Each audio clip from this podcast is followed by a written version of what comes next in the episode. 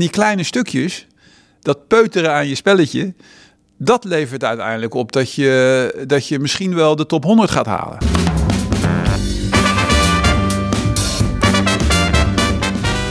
Welkom bij de NL Tennis Podcast. Een, een, mooie aflevering met naast mij Marcella Mesker. Die zit hier gelukkig altijd. En tegenover ons, eh, daar zijn we ook heel erg blij mee. Een mooie gast vandaag, namelijk Michiel Schapers. Ja, een ex-prof natuurlijk in ons, eh, in ons midden. Iemand met een hoogste ranking van 25.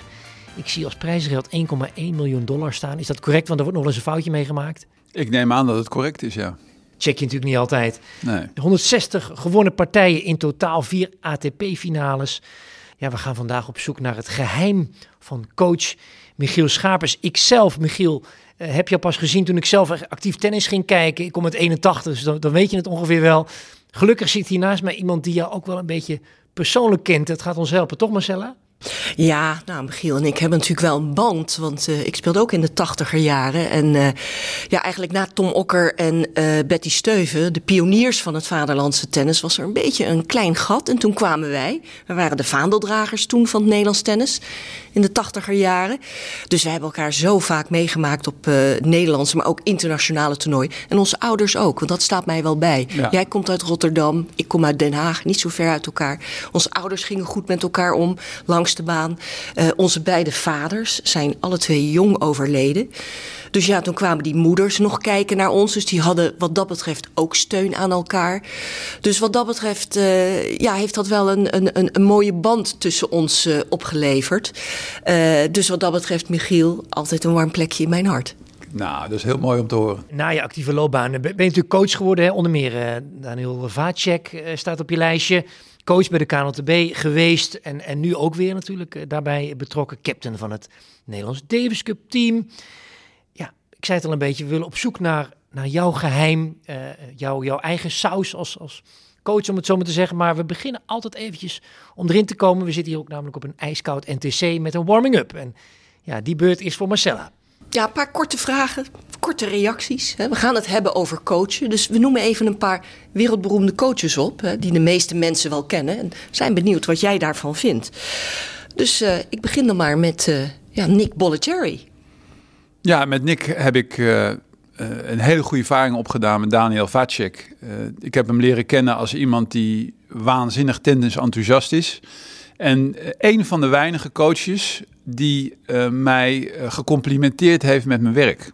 En dat is bijzonder kennelijk. Dat is bijzonder. Dat heb ik niet veel meegemaakt. Maar Nick Bollettieri die uh, heeft bij herhaling nodig me uit voor een kop koffie en zei: Goh, Michiel, gefeliciteerd met de prestatie van je leerling. Dat heb je goed gedaan. Ik vind het fantastisch om te zien. Mooi om te horen onlangs natuurlijk overleden. Nick Bollettieri op uh, hoge leeftijd, maar bijzondere man in de internationale tenniswereld. Een andere grote naam, Tony Nadal. Ja, het is natuurlijk ongelooflijk om te zien hoe hij uh, zijn neefje heeft begeleid. En ik volg hem niet zo, alleen ik heb hem ontmoet op de US Open vorig jaar. En heb gezien hoe hij, ik meen met Felix Auger Aliassim nu bezig is hij maakt op mij enorm gedreven indruk. En uh, volgens mij is het ook de spin in het web uh, op de Academy uh, Mallorca van Nadal. Dus ja, dat is natuurlijk iemand die heel veel in zijn mars heeft. Dan iemand die denk ik heel bijzonder voor je is geweest, Martin Simek. Ja, uiteraard. Martin is natuurlijk zeer bijzonder voor mij geweest. Ik, je kan rustig zeggen, zonder Martin Simek was het misschien heel anders gelopen.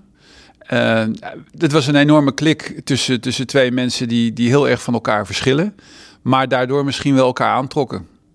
En uh, Martin heeft uh, op, in een bepaalde fase van mijn uh, carrière een enorme grote rol gespeeld. En met name om het speltype van mij om te zetten naar een puur aanvallend speltype. En ook om met meer ontspanning in de slagen te leren spelen. Daar hebben we samen heel hard aan gewerkt. En dat was, dat was misschien wel de beslissende samenwerking om uh, mogelijk te maken dat ik zover ben gekomen. Nou, misschien komen we er zo nog eventjes uh, op terug. Maar tot slot, het zijn tenslotte ook korte vragen. Michiel Schapers. Ja, nou kijk, weet je, het is altijd lastig om over jezelf te praten. Maar ik kan in ieder geval zeggen dat ik, als ik met een, een, een individu werk of met een groep, dat ik dat altijd doe met volle inzet en, en met heel veel aandacht. En dat daarbij de speler bij mij altijd centraal staat. En dat ik me echt probeer te verdiepen in uh, wat een speler beweegt. Uh, wat een speler graag met zijn carrière zou uh, willen bereiken. En misschien ook wel heel belangrijk, wat ik altijd enthousiasmeer, is alles waar zelf voor staat. Dus zelfredzaamheid, zelfdiscipline, uh, zelfstandigheid. Dat zijn voor mij hele belangrijke dingen, omdat ik als geen ander weet, het is, uiteindelijk sta je daar op de baan, sta je er alleen voor. En uh, dan is het heel belangrijk dat een, uh, een, een, speler dat kan oplossen. En je voelt dan ook dat je als coach in de achtergrond moet kunnen verdwijnen, als het ware. Ego uitschakelen misschien. Precies. Nou, Michiel, je maakt de brug voor ons heel makkelijk, want uh, je sluit meteen precies mooi aan bij het hoofdthema. Namelijk, uh, ja, wat tikt jou op? Tikt bij jou als coach, als tenniscoach? Uh, en dat is de, de kern van de, deze uitzending. en om gelijk maar even aan te sluiten op wat je net zei. In, in, in hoeverre is dat niet vanzelfsprekend dat, dat, dat jij daar zo de focus op legt? In hoeverre ben je daar onderscheidend mee? En, en zou dat wel zo moeten zijn volgens jou? Nou ja, goed, dat heeft er ook mee te maken uit welke tijd we komen. He, Marcella en ik komen uit een tijd waarbij uh, dit eigenlijk vanzelfsprekend was, omdat je uh, heel veel dingen eenvoudig zelf deed. Je ging op de fiets naar de training of met de trein. Uh, je, je, kreeg eigenlijk vrijwel uitsluitend groepstraining. Ik droeg heb, je eigen tennistas. Je droeg je eigen tennistas. dus, dus dat heeft ons denk ik wel gelouterd, want het heeft een enorm voordeel als je in het dagelijks leven een heleboel dingen gewend bent om zelf te doen, dan is de stap naar de tennisbaan, waar je zelf dingen moet doen, is ook wat makkelijker. de, de, de, maatschappij is gewoon wat dat betreft wel wat, wat veranderd. En um, het is misschien wel goed voor, voor spelers in deze tijd dat er ook nog coaches zijn die um, hier heel veel aandacht aan besteden. En zeggen we, goh, uh, heb je een logboekje thuis? Schrijf je die dingen op? Ik zeg heel vaak na de training van... joh, als je nou straks in de trein zit, noteer het even. Bespreek het met je privétrainer. Maar vooral, uh, doe er zelf wat mee. want uiteindelijk... Um, dat met dat wat er gebeurt, wat er naar mijn mening wel eens dreigt... Uh, zeker bij tennis, uh, misschien ook wel bij andere sporten... is dat je een bepaalde vorm van aangeleerde hulpeloosheid krijgt... als je alles maar voorkoudt en als uh, er niet gestimuleerd wordt dat een speler op het moment dat de training afgelopen is, beseft van nu begint het pas. Want nu moet je er zelf mee aan de slag. Uh, dus, dus dat is denk ik uh, heel belangrijk. Je, je helpt mensen om zichzelf te kunnen helpen. Precies.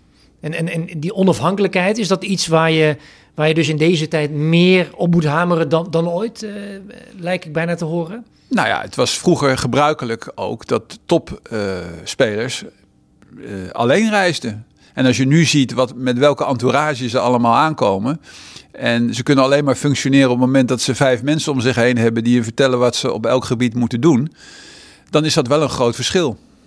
Ik proef hierin ook uh, niet dat je een mega voorstander bent van coaching op de baan. Nou, uh, ik denk dat dat praktisch gewoon heel lastig is. Ik, uh, ik vind het juist de charme van tennis uh, dat we dat lange tijd niet gehad hebben. Tegelijkertijd hebben we ook wel momenten dat er wel coaching is, met name bij teamwedstrijden. En dat geldt ook bij de jeugd. laten we het daarbij houden, want dat, is, dat vind ik ook wel goed. En, en als er een soort hybride model komt waarbij je bij wijze van spreken wel af en toe mag coachen, heb ik daar ook geen enkel bezwaar tegen. Alleen ja, uh, ik vond die tijd wel mooi dat je, dit, uh, dat je het uh, alleen moest oplossen. En uh, ik zie niet zo in waarom, waarom je dat drastisch zou veranderen. Hier en daar wat meer, oké, prima. Maar je moet niet gaan overdrijven. Je hebt dat in uh, New York US Open bij Gijs Brouwer mooi kunnen doen. Want die speelde op een achterafbraantje, kwalificeerde zich, won de eerste ronde, fantastisch. En jij zat daar over dat hekje ja. te hangen en kon hem toch af en toe wat influisteren. Heb ja. je daar gebruik van gemaakt? Wat heb je hem gezegd? Nou ja, dat verschilde nogal per wedstrijd. Maar bij Gijs is het vooral zaak dat hij beseft van, uh, dat hij naar voren uh, moet tennissen hè, en agressief. Uh, dat is namelijk zijn speltype. Alleen uh, qua karakter uh, is dat niet helemaal zijn karakter. Dus dan is het wel eens goed om hem erop te wijzen: hé hey jongen, blijf naar voren tennissen, blijf naar voren retourneren. Probeer in de baan te komen. En laat geen mogelijkheid uh, verloren gaan dat je naar het net kan komen. dus dat is, dat, dat is in het kort zijn de dingen die, die je dan kan bijdragen. En tegelijkertijd is er ook een wedstrijd geweest waarbij ik vrijwel niks heb gezegd. Dat was die wedstrijd tegen Adriaan Manarino. Omdat hij uh, zo goed in zijn, uh, zijn vel zat en zo goed de dingen uitvoerde, dat het ook helemaal niet nodig was om iets te zeggen. En dat is ook belangrijk. Kijk, op het moment dat je iets gaat zeggen terwijl het niet nodig is, dat kan, dat kan ook alleen maar storend werken. Waarom klikt het trouwens zo goed tussen jou en Gijs? Waar, waarom is daar zo'n goede chemie? En ja, op wat voor manier, ja, waarom kun je zo'n goede bijdrage leveren? Gijs is natuurlijk komen trainen in, in Amsterdam uh, toen hij uh, 15 was. Dus ik kende hem al van zijn 15e tot zijn 18e. Ik heb nadat ik naar Oostenrijk ben gegaan, is Gijs naar, naar Huip Troost gegaan. Wat een, wat een goede collega en vriend van me is. Dus ja, we hebben op basis daarvan hadden wij natuurlijk al een, hadden al een band. Dus toen ik in 2019 weer betrokken raakte bij, bij de coaching van hem was dat eigenlijk een natuurlijke gang van zaken. En um, denk ik dat de doorbraak dit jaar uh, gekomen is, omdat uh, dat fundament van vertrouwen is er. En op een gegeven moment heeft hij toch heel duidelijk de stap gezet dat hij ook zelf meer vertrouwen kreeg in zijn mogelijkheden. Die had ik altijd wel. Alleen ja, bij hem proefde ik wel eens twijfel. En dit jaar is heeft hij die twijfel wel overboord gegooid. En, en ziet hij zelf ook wel van, hé, hey, uh, ik heb wel degelijk grote mogelijkheden. Ja, je raakt nu ook wel aan een thema waar uh, heel weinig mensen chocola van kunnen maken. Want het blijft vaak bij deze opmerking. Ja, het, het, hij heeft nu vertrouwen in zijn mogelijkheden. Dat hebben we natuurlijk bij meer spelers uh, meegemaakt. Tim van Rijthoven bijvoorbeeld is ook zo'n speler. Dat mensen zich afvragen, hoezo werkt het nu ineens wel? Nu kun je ongetwijfeld niet over alle spelers het op dezelfde manier uitleggen. Maar kun je nog iets specifieker zijn in hoe het dan kan dat het, dat het vertrouwen er nu is? In ieder geval op een manier zoals het er eerder niet was. Nou ja, dat, dan moet je kijken naar wat er allemaal gebeurd is natuurlijk. Wat er de afgelopen jaren met een speler allemaal gebeurd is. Om, om daar iets over te kunnen zeggen. Kijk, uiteindelijk um, um, vind ik dat we met z'n allen vreselijk moeten oppassen om te, te oordelen. En misschien soms zelfs te veroordelen. Zeker bij jonge jeugd. Uiteindelijk uh, gaat het erom dat je enthousiasmeert. En dat je ook ze de overtuiging geeft van joh, uh, als je het goed aanpakt, dan kan je, kan je gewoon heel ver komen. En, maar dat is bij iedere training bereid zijn om uh, aan je spel te werken. Het heeft natuurlijk geen zin om als kinderen jong zijn, al um, allerlei meningen te hebben over wat ze zouden kunnen bereiken. En uh, soms zelfs uh, mensen een beetje afschrijven. Van dat gaat nooit wat worden. Want als iemand dat maar lang genoeg hoort en veel genoeg hoort, dan gaat hij misschien nog in geloven ook dat het nooit wat gaat worden. Het dus blijf bij jezelf. En um, als, als coachingwereld, wees heel voorzichtig met, met allerlei beweringen en oordelen. Maar uh, ondersteun de speler eigenlijk in zijn, uh, in, in, zijn, uh, in zijn mogelijkheden. En probeer ook daar heel voorzichtig mee te zijn. Jij hebt natuurlijk ook een lange weg bewandeld als, als coach. En je klinkt heel wijs. En ik weet dat je heel veel met passie praat en, en, en heel veel weet over de sport. Maar um, je hebt natuurlijk ook heel veel geleerd. Want in het begin was je denk ik toch ook een andere coach. Hoe is die, die, die weg gegaan? Hoe heb je jezelf onderwezen? Nou ja, het is bij mij eigenlijk een beetje onorthodox gegaan, omdat ik in de laatste drie jaar dat ik speelde eigenlijk ook al aan het coachen was. Was dat met Vacek? Ja, met Vacek en Radulescu. En dat waren hele jonge jongens. Um, en, en ik was, zat nog vol in het, uh, in het uh, tennis zelf. Alleen dat zat er altijd wel een beetje in, ook bij andere sporten die ik deed, dat ik een beetje het type was wat het op voetbalveld stond en even ging uitleggen. uh, hoe het moest. Hoe het moest, weet je. Jij dus, erom, dus, uh, andere ja. mensen niet altijd misschien. Ja, dus dus uh, wat dat betreft ehm, zat dat er altijd wel een beetje in. En is dat ook in die laatste jaren dat ik zelf speelde zo gelopen... dat ik met jonge spelers in aanraking kwam en dat ik de mogelijkheden zag... En met Daniel was het, was het heel duidelijk dat hij zei van ja, ik zei, hoe kan je nou zo goed dubbelen, maar in die single wil het maar niet lukken. En dat hij zei van ja, ik kan niet singelen. Ik zei nou, dat, dat, dat, lijkt me, dat lijkt me een beetje overdreven. Dus toen zijn we met elkaar aan de slag gegaan. En uiteindelijk uh, bleek dat uh, reuze mee te vallen met dat hij niet kon singelen. Want dat ging best wel goed. Wereldtopper geworden, hè? finalist ABN AMRO uh, 1997. Verloor toen van Krajcek in de finale. Klopt, klopt. Topper. Ja, nee, hij is, hij, hij is heel ver gekomen. En vooral uiteindelijk is het ook zo dat hij nog een betere dubbelaar was dan singelaar. Want hij is in de dubbel echt heel ver gekomen. Maar in de single ook dezelfde ranking die ik gehaald heb. Ik heb wel eens een grapje gemaakt van, nou, je staat nu 25, niet meer een andere coach zoeken. Want ik heb het maar tot 25 geschopt. Maar op dat moment is het natuurlijk heel apart. Want je bent zo met jezelf bezig aan de ene kant. Tegelijkertijd moet je in de huid kruipen van een jonge speler. En dat is voor mij wel een voordeel geweest. Want uh, dan leer je al heel snel van ja, wacht even, je, hebt het nu wel over iemand anders. Je, uh, dus dus je, moet, je, moet dat, je moet het eigenlijk je eigen ding afschudden. En ik denk dat dat voor spelers die um, later coach worden, dat dat het eerste ding is wat je leert. Van hé, hey, wacht even, je hebt het niet meer over jezelf, je bent met een ander bezig. Beruchte valkuil. Dat is een beruchte valkuil, ja. ja. En ik denk dat dat, dat een, een heel belangrijk punt is. En dat is toen eigenlijk al begonnen. En dat is natuurlijk ook voor mij een leerschool geweest van, hé, hey, wacht even, uh, rustig aan. het gaat nu om Daniel of om Alex en niet meer om jezelf. Dit was een hele vroege les voor jou. Uh, ja. wat, wat, is op een later punt een hele belangrijke les voor jou geweest als coach? Waarbij je erachter kwam, ja, dit is, dit is een koers die ik moet varen. Of iets over jezelf, dat kan natuurlijk ook zijn.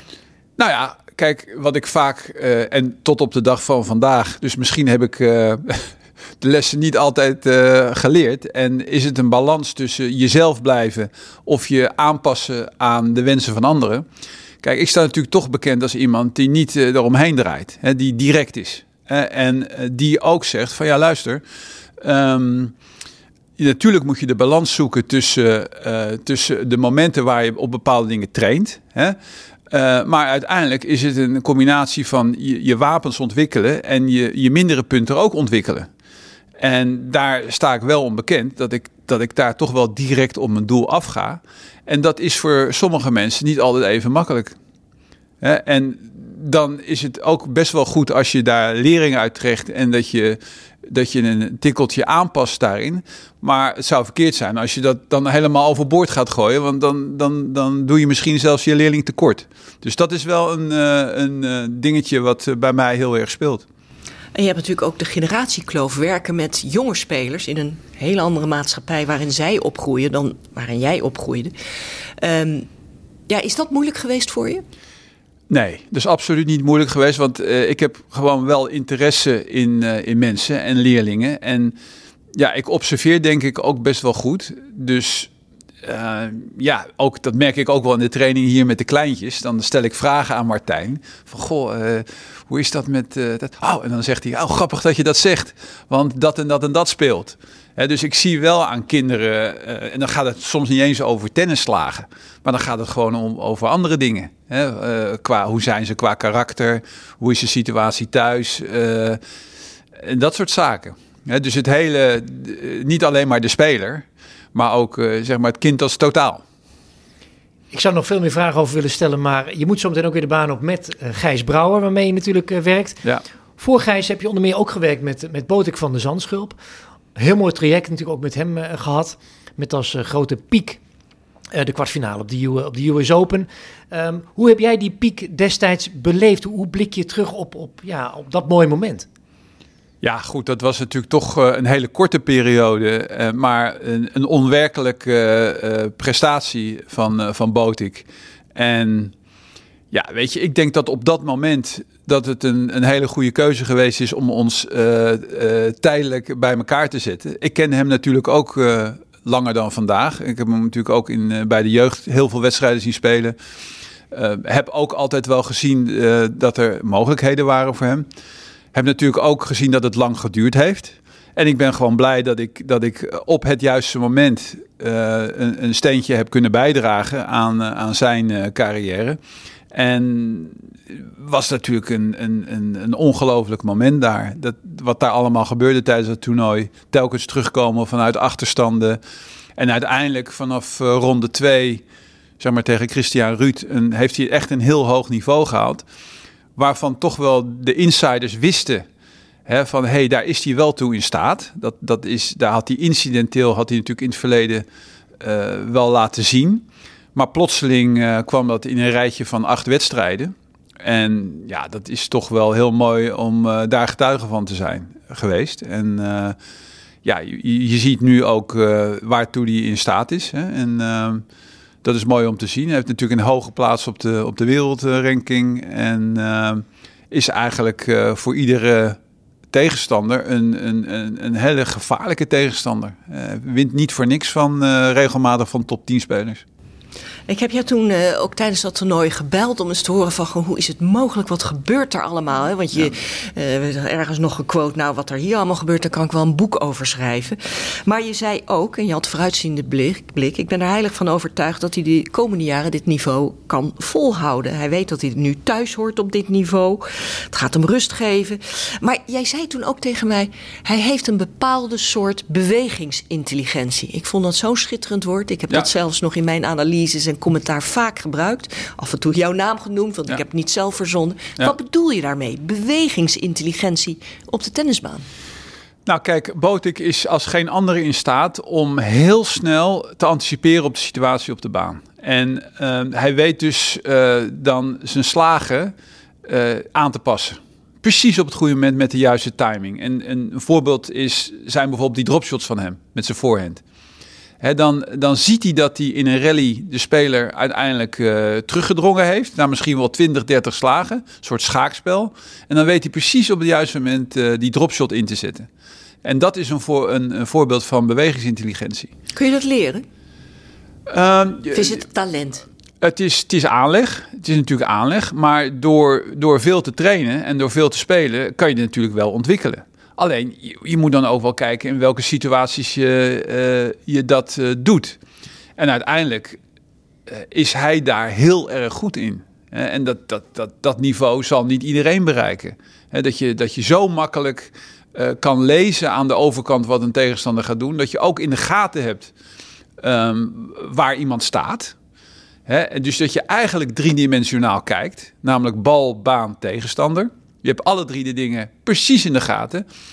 En ik heb één rally van die wedstrijd tegen Zwartsman, die heb ik nog in mijn telefoon staan. En die eindigt ook met een dropshot. Maar daar gaan geloof ik 40 of 50 slagen aan vooraf. Ja, onvoorstelbaar goed. En uh, dat, dat is natuurlijk iets... Uh, uh, ja, wat, wat, wat, heel wat hem bijzonder maakt. Een van de dingen die hem bijzonder maakt. Want hij heeft natuurlijk meer kwaliteiten dan alleen maar een goede bewegingsintelligentie. Maar dit is wel iets wat, wat, wat heel erg opvalt bij hem. Ja. Wat ook opvalt, is wat je toen tegen mij zei. Je had het over uh, dat besmuikte mondje of die blik van hem. Ik vond dat ook zo'n prachtig woord. Want ja, we kennen Botik inmiddels allemaal. Uh, dat hij soms wat perfectionistisch, wat negatief kan overkomen. En jij wist dat ook zo mooi te benoemen.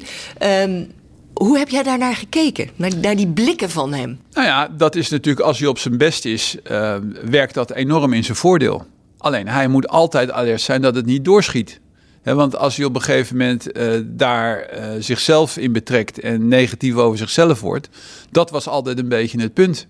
He, dat dat ja, als je jezelf gaat afbreken, dan, dan doe je jezelf tekort en gaat, gaat het niveau omlaag. Dus je moet, je moet dat natuurlijk uh, in de check houden en zorgen dat dat, uh, dat, dat, dat je blijft helpen. Uh, maar dat, dat is inderdaad ook een punt hè, van, van genieten, genieten van, van de wedstrijd, genieten van de situatie. En hou het daarbij. En als het een keertje misgaat, zorg dat je jezelf dan weer gaat coachen, zodat dat bij één punt blijft. Weer jezelf helpen eigenlijk. Jezelf helpen en zeggen van oké, okay, uh, feller met mijn benen. Of uh, meer naar voren tennissen. Aansluiten bij het net meer. Dat soort zaken. Dus jezelf coachen op een manier zodat jij in het volgende punt weer goed voor de dag komt. En dat is natuurlijk denk ik bij hem iets wat ook heel erg verbeterd is. Waar hij vroeger nog wel eens cynisch wilde worden of zichzelf naar beneden wilde halen is dat een stuk beter geworden. En misschien om de top 10 te halen, moet hij dat weer, nog weer naar een hoger niveau tillen. Maar ik denk dat hij die mogelijkheid in de komende drie jaar wel heeft. Tot slot, eh, ik heb uh, regelmatig nog met jou, jou gesproken ook. En, en, en jij woont natuurlijk in Oostenrijk. Je hebt daar ook gewerkt. Je werkt daar geloof ik nog, nog steeds. Je hebt me ook wel wat verteld over Günter Bresnik, de oude coach van Dominique Thiem. En hoe zij trainen. Jij stond daar vaak naast. Klopt. En wat je daar gezien hebt en wat je daarvan uh, van geleerd hebt, of juist niet. Kun je daar iets over zeggen? Ja, nou ja, goed. De, de, de intensiteit waarmee uh, Dominic Thiem trainde, ja, dat is zo'n ongelooflijk hoog niveau. Dat, uh, ja, daar heb ik wel van geleerd van, ja, luister, uh, als je echt de absolute top wil bereiken, dan is het natuurlijk ook zo dat je, dat je niet alleen de uren maakt, maar de uren die je maakt, dat die, dat die intensiteit enorm hoog ligt. Ja, en dat is, dat, is het, uh, dat, dat is het belangrijkste wat ik ervan ge, uh, geleerd heb. Voor zover ik dat al niet zelf wist natuurlijk. Wat, maar, wat je dan bijvoorbeeld op? Dat, dat, dat, ging met een tempo, die trainingen. En uh, met, een, met een enthousiasme en een vanzelfsprekendheid. Dat, dat, dat was gewoon genieten om er naar te kijken. En soms speelde hij dan ook tegen een van mijn leerlingen. Nou, die moesten dan echt de benen uit hun lijf rennen om het bij te houden. Dat was... Dat was was enorm, was van een heel hoog niveau. Maar die Günter Bresnik was wel een heel andere coach dan jij. Want je, hebt er ook wel wat daarover verteld... dat hij niet altijd even aardig was voor Dominique Thiem op de baan tijdens de training. Nee, dat, dat, is, uh, dat is zeker zo. Het is, het is een, uh, een hele harde trainer, zeg maar. En, en wint er geen doekjes om. Uh, maar soms schiet hij misschien een beetje daarin door. Daar weet ik natuurlijk niet alles van. Maar uiteindelijk wat ik wel weet is dat hun relatie tot een einde gekomen is. Ik kan me zo voorstellen dat dat misschien daar ook een beetje mee te maken had. Dat ja, op een gegeven moment uh, is die jongen natuurlijk is top 10 van de wereld. En uh, hij heeft zelfs een Grand Slam gewonnen. Maar ik weet wel dat hij altijd... Uh, uh, gekscherend misschien wel, maar er zit dan een kern van waarheid in dat hij dan jongetje tegen hem zei van, hé uh, hey, jongetje, dit en dat. Ja, op een gegeven moment veranderen de zaken. Hij is dan niet meer de Dominique Team van 18 jaar, maar hij is de Dominique Team van 26, top 10 van de wereld, Grand Slam winnaar. Dus misschien dat het daarmee te maken heeft, maar het, was, het, uh, het is wel iemand die, uh, die uh, hem daar gebracht heeft. Natuurlijk van jongs af aan met hem gewerkt heeft. Dus daar moet je alle respect voor hebben. Als we het hebben over, als ik nog een klein beetje tijd van je mag stelen. Ehm, waar je natuurlijk naartoe wil als coach en waar spelers naartoe willen, is uiteindelijk die top 100. Misschien een beetje een abrupte overgang, maar dat is toch de heilige graal. Wat mag er wat jou betreft niet ontbreken als het gaat om die weg naar die top 100? Want dat is natuurlijk de, de sleutel, de code die, die men probeert te kraken. Ja, weet je dat is toch vrij simpel. Dat je aan alle dingen, aan alle aspecten van, uh, van je tenniscarrière, dat je daar heel zorgvuldig aan werkt. En dat je niks laat liggen. Hè? Of het nou om mentale vaardigheden gaat, atletische vaardigheden, tennis technisch, tactisch. Je coachbaarheid, hè? dus het samenwerken met coaches. En bereid zijn om, uh, om, om aan de dingen te werken waarvan je coach vindt van... hey, daar gaan we aan werken. Natuurlijk in, in overleg en die situaties zijn verschillend. Dus ik denk niet dat er een toverformule is. Ik, denk ook, ik ben ook een uh, tegenstander van het woord uh, talent. Ik heb het liever over mensen die een bepaalde aanleg hebben om iets te gaan doen. En uiteindelijk doorslaggevend is, wat mij betreft, en dat, dat zeg ik toch wel elke keer, is of jij bereid bent om ieder moment dat je voor je tennis bezig bent, om dat met een, met een enorme aandacht en intensiteit te doen. En elke dag te werken aan een stukje beter worden. En die kleine stukjes, dat peuteren aan je spelletje, dat levert uiteindelijk op dat je, dat je misschien wel de top 100 gaat halen.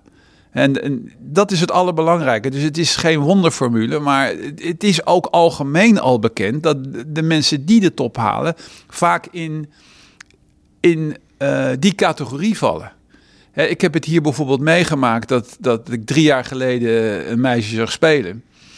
Uh, waarvan uh, op dat moment gezegd wordt: ja, allemaal cognitief moeilijk, moeilijk en technisch moeilijk, moeilijk. Maar ik zei: ja, sorry. Maar die staat met een glimlach op de baan. Die is als een spons als het gaat om de informatie. Probeert er ook echt wat mee te doen.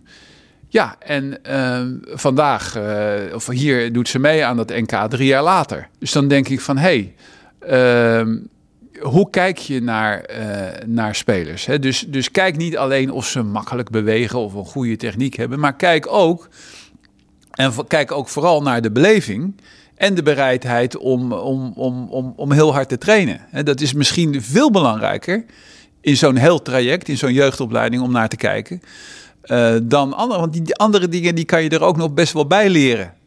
Dat is niet zo dat, dat uh, als je geen goede backend hebt op je twaalfde, dat het nooit een goede backend zal worden. Dat kan je ontwikkelen. Alleen dat andere is lastiger. Uh, dat, is, dat heeft meer met je persoonlijkheid en je karakter te maken. En, en uh, misschien ook een stukje met je opvoeding. Maar ik kijk daar wel heel. Ik let daar wel heel erg op hoe de beleving is van een speler. Tijdens de trainingen, tijdens de wedstrijden. want ja, mijn ervaring leert, is dat dat toch wel de mensen zijn die de grootste kans maken om, uh, om de top te halen. In dat licht uh, ben ik toch wel benieuwd uh, hoe je kijkt naar iemand als Daniel Medvedev. Misschien wel de meest onorthodoxe topspeler, in ieder geval nummer één, die we in ieder geval heel lang geleden hebben gehad. Um, ja, hoe kijk je naar hem? Want dat is natuurlijk een wonderlijke speler als je puur zou kijken naar het technische plaatje. Nou ja, het is heel leuk om, om, om te vragen, want ik heb hem zien spelen toen hij 17, 18 was. En ik heb hem zien verliezen in een dubbel uh, op uh, Roland Garros. En toen heeft hij nou ja, misschien een paar voorhands binnen de baan geslagen. De meeste die vloog het hek in of onderin het net. Dus bij hem is het zo dat bepalend is geweest de afgelopen jaren. Hij had een fantastische backhand al. Hij had een redelijke service, maar hij heeft zijn service en zijn voorhand enorm ontwikkeld. En op basis daarvan heeft hij een enorme progressie gemaakt. Want dat was echt op 17, 18. Als je op dat moment zou zeggen van nou, dit gaat de nieuwe nummer 1 worden. Of hij gaat Grand Slam titels uh, winnen. Uh, dan, dan, ja, dan moest er wel wat gebeuren. Ik heb hem daarna in 2016 in januari bij een Challenger gezien. Samen met mijn collega Ronnie Lightgap. En toen keken we elkaar wel aan. Zeg, oeh, als die voorhand een beetje beter wordt, kan dit wel eens een hele goede speler worden. Uh, gezien de, de beleving, hoe die speelt, de creativiteit. Uh, ja, en dat is dan ook gebleken, want ze hebben heel hard gewerkt aan die voorhand. En natuurlijk is het, is het nog steeds, als je het vergelijkt met zijn backhand, misschien iets mindere slag. Maar hij heeft het wel zodanig verbeterd dat hij, uh, dat hij het geschopt heeft tot waar hij nu staat. En in het licht van wat ik hiervoor zei, is hij wel een heel erg goed voorbeeld. Hij is blijven doorgaan, blijven uh, werken aan, uh, aan zijn techniek ook. En dan zie je ook van, ja luister eens, ook na je 17e, 18e kan je je techniek verbeteren. Het is niet zo dat het vaststaat of dat je dan dat, dat niet meer kan. Dat, dat, is, dat is een fabeltje. Er is nog hoop voor je, Jan-Willem. Heel veel hoop, Jan-Willem. Goh, ik zie een zeeën van tijd nog. Ik dacht dat het allemaal droog stond, maar uh, er is nog water. Ja. Is dat dan, uh, als ik nog een vraag mag stellen, is dat dan ook een heerlijke speler om, om uh, je pupillen aan te laten spiegelen? Moet ik het misschien anders vragen? Wat is nou een speler aan wie je je sp spelers graag laat spiegelen? Van goh, kijk daar eens naar, die laat zien. Uh, heel veel mensen komen met de Bautista Agut op de proppen. Geen bovennatuurlijke techniek, maar kijk eens naar zijn arbeidsethos en dat soort dingen. Maar dat laat ik graag aan jou over. Het gaat vaak om aspecten. Ik heb gisteren tegen een speler gezegd van joh, ga eens kijken naar uh, Federer, Dimitrov en Team. Die voorhands van die drie spelers. Ga dat vanavond dus heel goed bekijken. Kom morgen terug en vertel me wat je gezien hebt. Want daar zit een element in bij die drie spelers. wat voor jouw voorhand van levensbelang is. Hè? Wil je je voorhand gaan verbeteren, dan zitten er bepaalde aspecten in jouw voorhand. die je bij die drie spelers duidelijk terugziet. Dus het is vaak niet zo dat ik, dat ik uh, mijn spiegel aan één speler. Maar je, je kijkt naar bepaalde onderdelen uh, bij spelers. Zeg, hey, van die kan je dat leren, van die kan je dat leren. Als je kijkt naar het hele plaatje, dan ja, noem ik altijd Federer. Omdat Federer uh, met de meeste ontspanning in zijn slagen speelt. En daar houd, houd ik van nature van. Hij, hij speelt op zwaartekracht. Hij speelt op de zwaai. En uh, dat is natuurlijk iets bij tennis uh, wat, in de basis, wat het zo moeilijk maakt. Van, van, van je heup naar beneden moet je je benen waanzinnig inzetten, waanzinnig bewegen. Maar van je heup omhoog gaat het om doorgeven van energie. En dat is wat je bij Federer, uh, dat is wat Federer uniek maakt als geheel. En dat is ook iets wat in een jeugdopleiding en opleiding tot proftennis ontzettend belangrijk is, dat je daarmee aan de slag gaat. Dat je beseft van, ja luister eens, uh, er is een verschil tussen spierkracht en zwaartekracht. En hoe meer je de zwaartekracht inzet, uh, des te makkelijker is het om, om de bal te versnellen.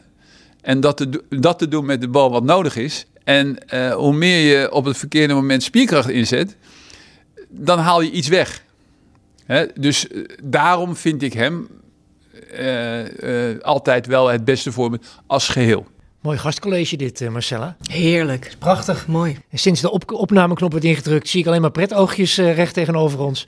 Dat gaat nooit weg, denk ik, als het nee, over tennis gaat. Nee, nee dat, is, dat is iets uh, wat, uh, wat nooit weggaat. En dat, dat merk ik ook bij mezelf. Kijk, ik stap uh, iedere dag fluitend de baan op en met, met plezier. Dus ja, het is toch iets wat, wat ja, waar je je hele leven ongelooflijk dankbaar voor kan zijn. Dat je er zoveel plezier uit haalt. En, en, en dat je dat, met dat wat je eigenlijk graag doet, dat het ook je werk is. Hè? Dat is natuurlijk heel fijn. En je lijkt je ook nog iedere dag te ontwikkelen. Hè? Want je bent zo bezig met de sport en erover aan het nadenken dat je zelf ook steeds weer verder komt. Ja, en, en dat is hier altijd bijzonder prettig op het NTC, omdat je dan weer in aanraking komt met je collega's.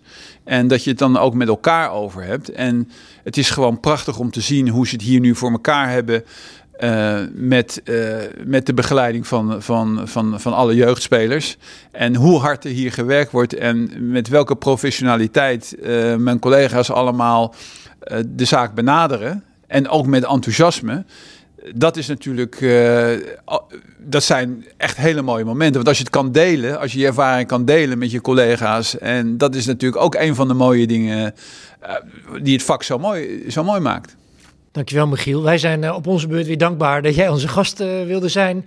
Smaakt naar meer, maar voor nu, ja, duty calls, ik maar Zo is het. De baan op. Dan zeg ik tegen de luisteraar heel snel bedankt voor het luisteren. Bedankt Michiel en Marcella. En tot de volgende keer. Dankjewel, Michiel. Heel graag gedaan. Succes. Dankjewel. Bye.